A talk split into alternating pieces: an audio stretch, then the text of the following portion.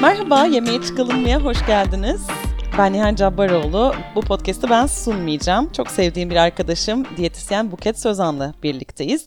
Buket bir diyetisyen ama yemeğe sadece kilo vermek olarak bakmayan bir diyetisyen. Podcast yapmak istediğini söylediğinde de ben de çok heyecanlandım. Çünkü podcast prodüksiyonları yapan bir insan olarak böyle güzel insanlarla çalışmak beni çok mutlu ediyor. Buket Hoş geldin. Merhaba Nihan, hoş bulduk. Ben seni ağırlıyormuşum gibi oldu ama aslında konuk benim bu podcast'te. evet, ilk başlangıcı seninle yapıyor olmak gerçekten çok keyifli. O yüzden de senin bu işin içinde olman beni daha yüreklendirmiş oldu. Senden bayrağı teslim alıp ben tek başıma yapmaya devam edeceğim senin desteğinle. Çok teşekkürler. Biraz senden bahsedelim o zaman. Sen bir diyetisyensin. E, bu mesleğe giriş hikayeni oldukça merak ediyorum. Benim hikayem şöyle aslında. Ben diyetisyen olmaya önce kendi kilo problemimi çözdükten sonra karar verdim. Ee, çocukluk çağında kilo problemi yaşayan bir genç kızlık çocukluk yaşadım ve oradaki durumu fark ettikten sonra da aa ben kilo verdim ve acaba insanlara nasıl daha yardımcı olabilirim? Acaba bu kilo verme ve koruma dönemi nasıl olabilir derken Eee, beslenme diyetetik diye bir bölümün varlığından haberdar oldum. Çünkü kendi kilo verme sürecimde bir diyetisyenden yardım almamıştım. Hatta o dönem Alanya'da bir tane diyetisyen varmış. Sonrasında tanışıp mesleğe giriş yapmadan önce onun fikirlerini de almıştım. Ve Hacettepe benim tek tercihimdi. Çok da isteyerek girdim. Ama nasıl kilo vermek istedim konusuna gelecek olursa asıl hikaye orada başlıyor. Benim ikiz kız kardeşim var. Hep böyle bir işte onun boyu uzun, o daha zayıf gibi, karşılaştırmalar hep yapılıyordu. Ben tabii çocukluk halimde çok kilo ile ilgili bir sıkıntısı olan bir çocuk değildim çocuk zamanımda. Belki öyleydim de hep başka şeylerle kapatıyordum. Düşününce bazen aslında problem ettiğim zamanları hatırlıyorum ama asıl problem ettiğim dönem, bir bayramda, bayramlık almaya gittiğimizde kıyafet bulamamak. Daha sonra da annemin kıyafetlerini giydiğim bir bayramı geçirmek ve bundan rahatsız olmuş. Sonra kilo vermeye karar vermiştim. Bir diğer etki de tabii şu, lise döneminde, böyle, hani, ortaokul, lisede bizim dönemimizde de böyle bir, işte, çıkalım mı, çıkma teklif etme, sinemaya gitme falan, hani, böyle şeyler vardı.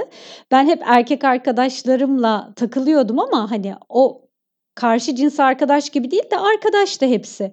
Sonra insanların tabii, böyle, hani, karşı cinse ilgi duyma şeyleri arttığı bir yaş dönemi, işte, 14-15 yaşlar, bana hiç teklif gelmiyor. Ben, hani, belki arkadaşlarım olduğu için gelmiyordu ama ben tabii kiloma bağlamıştım bu durumu. Çünkü kız kardeşime, böyle, sürekli, işte, birileri çıkma teklif ediyor. Sonra ben kendimi orada çok şey hissettim. Galiba kilomdan dolayı kimse benimle ilgilenmiyor. Kilo verirsem sanıyorum ki bu durumu çözeceğim diyerek başladım. İkinci neden de bu ve ondan sonra da yaptığım tek şey Yediğim gıdaların miktarını azaltmaktı. Aslında bugün danışanlarıma da anlattığım yasaksız beslenme, bedeninizin isteklerini takip etme eee, olayı tamamen benim içsel olarak kendimde uyguladığım bir yöntemdi. Farkındalıkla yapmamıştım bunu. Tamamen dediğim gibi içimden böyle geldiği için uygulamıştım. Daha sonra bunun aslında bir yöntem olduğunu keşfedip diyetisyenliğin içerisinde de kullanma yolculuğum başladı. Yani ben bir şeyi önce kendimde Eee, fark edip sonra, eee, hayata geçirmiş gibi oldum bu mesleğe adım atarken. Başkalarına yardımcı olmak senin bu mesleği seçmendeki temellerden biri. Bu podcast'ı neden yapmak istedin peki? Bu da insanlara yardım etme isteğinin bir parçası mı? Çok çok doğru bir noktaya değindi. Dediğim şey bu Nihan. Ben şu anda sonuçta belli bir sayıda insanla seanslar yapabiliyorum. Belli bir sayıda insana ulaşabiliyorum. Benim amacım çok daha fazla insana dokunabilmek. Onların da beslenme konusunda beslenmeye bakış açısı, davranış değişikliği, sağlıklı beslenmenin aslında ne kadar kolay olduğu, sağlıklı gıdaların da lezzetli olabileceği, duyguların beslenmeyi nasıl etkilediği gibi konuları konularda, eee, kişilerin daha fazla bilgi sahibi olması, ulaşamadığım daha fazla insana ulaşabilme şansını yakalamak. Daha fazla insana dokunursam insanlar daha fazla bilinçlenir. Bu sayede de, eee, obezite artık bir hastalık, bir sorun olmaktan belki çıkar diye düşünüyorum. Çünkü dönem dönem strese girdiğimizde de yaşadığımız bir durumsa ki burada Biliyorsun sizin, kendimiz için yapıyoruz podcast'ini. Dinledikçe de o kadar çok şeyi kendimde fark ediyorum ki aslında bana, bu cesareti göstermemde, çok etkili oldu sizin podcast'iniz. O yüzden de, seninle bu yola çıkmak gerçekten çok keyifli. Ben de inşallah insanlara bunu dedirtebiliyor olurum. İnsanlar benim bizim, eee, çalışmamızda benim konuklarım da olacak inşallah. Onlarla yaptığımız her podcast'ten sonra, "A, ben de fark ettim. Çok iyi geldi bunu dinlemek." derlerse ben amacıma, hedefime ulaşmış olacağım. Çok iyi özetledin. Bu bir diyet podcast'i değil aslında. Bunu rahatlıkla söyleyebiliriz. Sen bir diyetisyensin ama burada bahsetmek istediğimiz konular daha çok insanların beslenmeye bakış açısıyla ilgili. Çünkü bu podcast'te mucize bir formül vermeyeceğiz belki ama insanların yemekle, beslenmeyle, kendi içsel yolculuğuyla olan ilişkisini çözmesine belki de yardımcı olacağız değil mi? Kesinlikle. Sen de konuyu o kadar güzel özetledin ki içsel yolculuğuyla konuyu çözmesine yardımcı olacağız. Aynen de öyle. Bedenin içten gelen sesini dinleyeceğiz. Çünkü, eee, biz annemizle ilk beslenmeyi tattık. İlk besinin tadını annemizden, annemizin memesinden aldık ve biz o zamanlar aslında neye ne kadar ihtiyacımız olduğunu bilen canlılardık, bebeklerdik ve zaman içerisinde bize kodlanan "O sana yetmez, bunu ye. Tabağında yemek bırakma. Bu senin için iyi, yemen gerekiyor." Ya da bilmiyorum, yani, hani, hatırlar mısın ama belki kuzenlerine, belki de daha büyüklerinden duymuş olabilirsin. Çünkü benim çocukluğumda çocuklara süt ya da, eee, çay veriliyorsa mutlaka içine şeker atılırdı. Çocuk şekerin tadını Evet. bilmiyor ki. Çocuk onu kimden öğrendi? Ebeveynlerinden öğrendi. Ben de diyorum ki biz tekrar o bebek hâlimizdeki, kendi içimizdeki sesle doyup doymadığımızı, bir şey yemek gerçekten isteyip istemediğimizi ve bunun bir duyguyla ilişkili olup olmadığını keşfetmeye çalıştığımız bir yolculuğa çıkarmak istiyorum. Elbette ki, hani, podcast'te çok fazla senin de dediğin gibi bir reçete vermek değil ama bir bakış açısı geliştirmeye yardımcı neler yapılabilir? Belki ufak tefek yöntemler sunmak ve bu süreç içerisinde de kişinin bu farkındalıkla bir beslenme programı uygulamadan ya da diyet dediğim şeyi uygulamadan, yani, o diyet kelimesi insanda belli çağrışımlar yapıyor. Hatta sana sorayım, sen diyet deyince aklına hangi kelimeler geliyor? 3 kelimeyle bana anlatsan. Benim aklıma gelen 3 kelime kibrit kutusu kadar peynir.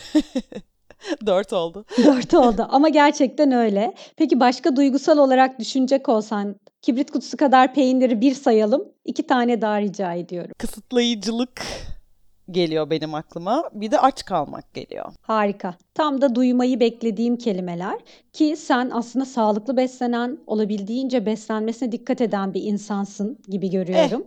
diyelim. Eh diyelim peki.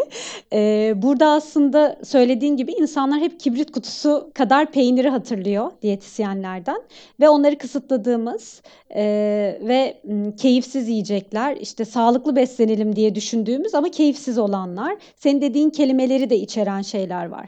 Ben de diyorum ki Nihan, o zaman lütfen beslenmende birtakım değişiklikler yaptığında diyetteyim deme. Çünkü her diyetteyim dediğinde sen kibrit kutusu kadar peyniri, kısıtlayıcılığı ve son söylediğini süper dinlediğim için unuttum şu anda. Aç kalmak. Aç kalmak, aynen. Aç kaldığını düşünüyorsun. Peki hadi bir oyun oynayalım. 2. kelimeyi sorayım. Sağlıklı beslenme ne çağrıştırıyor Nihan'a? Marul. İlk olarak marul çağrıştırıyor. Sebze. Sanırım bu kadar. Peki marul ve sebze senin hayatında pozitif mi, negatif mi, nötr mü? Nedir senin hayatında? marul, marul negatif. Ama sebze pozitif bir anlamı var. Sebzeyle ilgili bir sorunum yok. Peki o zaman şöyle diyebiliriz. Diyetteyim demek yerine sağlıklı beslenmeyi tercih ediyorum. Desek nasıl olur? Çok daha iyi olur. Çünkü burada o kısıtlayıcılık e, yok gözlemlediğim kadarıyla. Sağlıklı beslenmek hani kendimi iyi hissettiren ve beni rahatsız etmeyen şekilde hani enerjik olabileceğim bir düzende yapabileceğim bir e, alışkanlık gibi geliyor bana. İşte bu bakış açısını geliştirecek şeyleri anlatmaya çalışacağız bu podcast'te. Aynı zamanda ben tabii ki bireysel danışmanlıklarımda da böyle bir yol izliyorum. Eee, kişileri anlamaya çalışıyorum. Diyete, sağlıklı beslenmeye, spora, hareketli olmaya hangi anlamları katıyor? Zayıflamak onun için ne demek? Zayıf olmak, fit olmak hangi eee, duyguları ona hissettiriyor? Ya da mesela en önemli şeylerden biri biz tartıdaki rakamlardan ya da bedenimizden yani beden derken işte 34 beden, 38 beden. Hani Nihan'ı ya da Buket'i bunlar tanımlıyor mu acaba? Şimdi oralara o kadar anlam yüklüyoruz ki tartıya çıkarken danışanım kilo verememişse orada başka şeyi tarttığı için ki genellikle başarı, irade, bir takım başka güzelliğini, çirkinliğini, fit olmasını bir sürü şey tartan danışanlarım var. Çünkü her zaman soruyorum ve önümüzdeki 5 yıl içinde de hedefim odamdaki tartıyı tamamen kaldırmak. Bu işi tartılmadan yapmak üzerine kurmak istiyorum. Hedefim tamamen bireylerin kendi beden farkındalığıyla kilolarını yönetmeyi, beslenmeleri, tabağındaki gıdayı, eee, ayarlayabilmelerini sağlamayı, tabii ki farklı dönemlerde yine diyetisyenlerden destek alsınlar. Fakat önce kendileriyle olan o farkındalıkları onları eee, yönlendirsin. Yani birey kendi diyetisyeni olma yolunda ilerlesin. Yapmak istediğim şey tamamen bu. O nedenle de tartı ya da, işte, mesela bana danışanım şey de diyor, eee, "Verdiğiniz et kaç gram olmalı? Eee, ben tartsam olur mu?" Ben de diyorum ki, "Tartmanızı çok, ııı, gerekli bulmuyorum ama sizi rahatlatacaksa tabii ki tartabilirsiniz. Fakat önemli olan ölçü bir doygunluğu keşfetmek, 2 ortalama bir ölçü istiyorsanız el ölçülerini kullanabiliriz." diyorum. Hani, merak eden dinleyicilerimiz internetten el ölçüleri diye bakarsa, işte, avuç içi kadar kırmızı et, el kadar tavuk ve beyaz et, yani balık, eee, olarak düşünebilir ki bir sürü sebze meyve için bu el ölçüleri, eee, Amerika'dan Türkiye'ye taşınan ölçüler olarak görüyoruz, kullanılabilir. Dolayısıyla ne kadar kolay, ne kadar basit, hayatımız o kadar, eee, kolaylaşırken bu sürdürülebilir bir hâle geliyor. Yani sadece bütün gün ananas yenilen ya da avokado yenilen ya da bütün gün kabak çorbası içilen bir beslenme tarzı ne kadar yapılabilir ki? Yani ne kadar sürdürebiliriz? Yanımızda yemek taşımak. Evet, pandeminin içerisinde insanlar yanlarında yemek taşıdı. Bunun nedeni de tamamen pratik oluşu, güvenilir yemek oluşu, eee, ve, hani, insanların süre anlamında da, emm, ve hijyen anlamında da endişelerinden dolayıydı bu. Fakat artık yavaş yavaş hayatın içine karıştık. Yani haftada 1-2 kere belki dışarıda yemek yiyoruz ya da dışarıdan yemek söylüyoruz. Yani hayatımız boyunca sırtımızda yemeğimizi belki de taşımayacağız. O zaman dışarıda nasıl yemek yemek daha sağlıklı hâle getirmek mümkün? Amaç en iyisine ulaşmak, mükemmel tabağı bulmak değil. Var olan durumdan daha iyiye gitmek ve bunu her geçen gün bir adım ileri taşımak ya da bir adım ileri taşıyamıyorsam aynı noktada kalabilmeyi başarmak. Zaten bunu yaptığımda aslında kendi kendine bir dönüşüm sürecinin içerisinde oluyoruz. Taban tabana zıt bir şeyler yapmak kendimizden uzaklaşmak demek. O yüzden kendimize yakınlaşacağımız programları uygulamaya çalışmak, adımları atmaya çalışmak. Genelde şu oluyor, mesela spor konusu da çok önemli bence ki karşımda spor konusunda, eee, Nihan Cabbaroğlu var. Bu konuları izleyen, gören, bilen birisi. Hani, mesela sen spor deyince ne hatırlıyorsun, ne düşünüyorsun? 3 kelime ne var Nihan için? Benim tabii spor anlayışım biraz daha farklı. Profesyonel hayatım bunun üzerine kurulu olduğu için ama ben bunu, hani, kendi amatör spora bakış açım olarak, eee, yanıtlayayım istersen. Eee, spor deyince aklıma, eee, hareket, fit olmak ve iyi hissetmek geliyor. Müthiş. O kadar güzel kelimelerle özetledin ki. İşte, mesela sen spor yapan bir birey olarak kendini adlandırabilirsin. Spora gidiyorum, spor yapıyorum. Başka birine spor, terlemek, eee, yorulmak, nefes nefese kalmak çağrıştırabilir. O zaman o spor Evet. yapıyorum derse onu zorluyor. Aynı diyet ve sağlıklı beslenme gibi ve danışanlar genelde spor yapıyorum dediğinde kendilerine tam da bunları yaşatacak egzersizlere gidiyorlar. Ne yapıyorlar? Hemen bir, işte, HIIT antrenmanı yapmak üzere hocayla çalışıyor ya da gidiyor 2 saat bisikletin üstünde böyle harıl harıl bir bisiklet sürme hâli ama yani çarpıntısı var, terler akıyor, yorulmuş. Ondan sonra indiğinde böyle nefes nefese kalmış ve kendine eziyet ettiği için öbür gün belki yapmak istemiyor. Ben de diyorum ki danışanlarıma, Tabii ki güzel. Egzersiz yapmak, spor yapmak hepsi çok güzel, çok destekleyici. Fakat minik adımlarla başlamak. Aynı beslenmede bir gün önceden daha iyi olmak var ya, harekette de aynısı. Bir gün önceden daha hareketli miyim? Bunu ne yapabilirim? O gün asansörü kullanmamak. Markete bir uzaktaki markete gitmek veyahut da metro ile bir yere gidip Eee, bir mesafeyi de yürüyüş olarak kullanmak.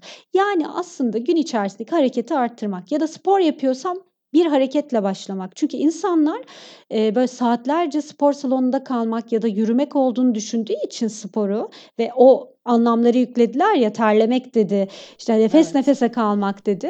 Bunlar yerine tek bir hareketle başlamak. Dönüşüm tek bir adımla başlıyor. O yüzden de insanların motive olmasını beklemesindense harekete geçmesi, mükemmele gitmek istemesindense daha iyiye gitmekle ilgili o adımı ve cesareti gösterebilmesi. Yoksa eninde sonunda varmak istediğim nokta değil, benim bu yolculukta nereden nereye geldiğimi gözlemlemek bana, danışanıma daha iyi gelecek. Zaten benim yolculuk diye adlandırmam ki senin de hep bunu böyle söylüyor olman, eee, bizi bir araya getirdi bence. Yolculuk tamamen insanın dönüşümüne tanıklık etmesi.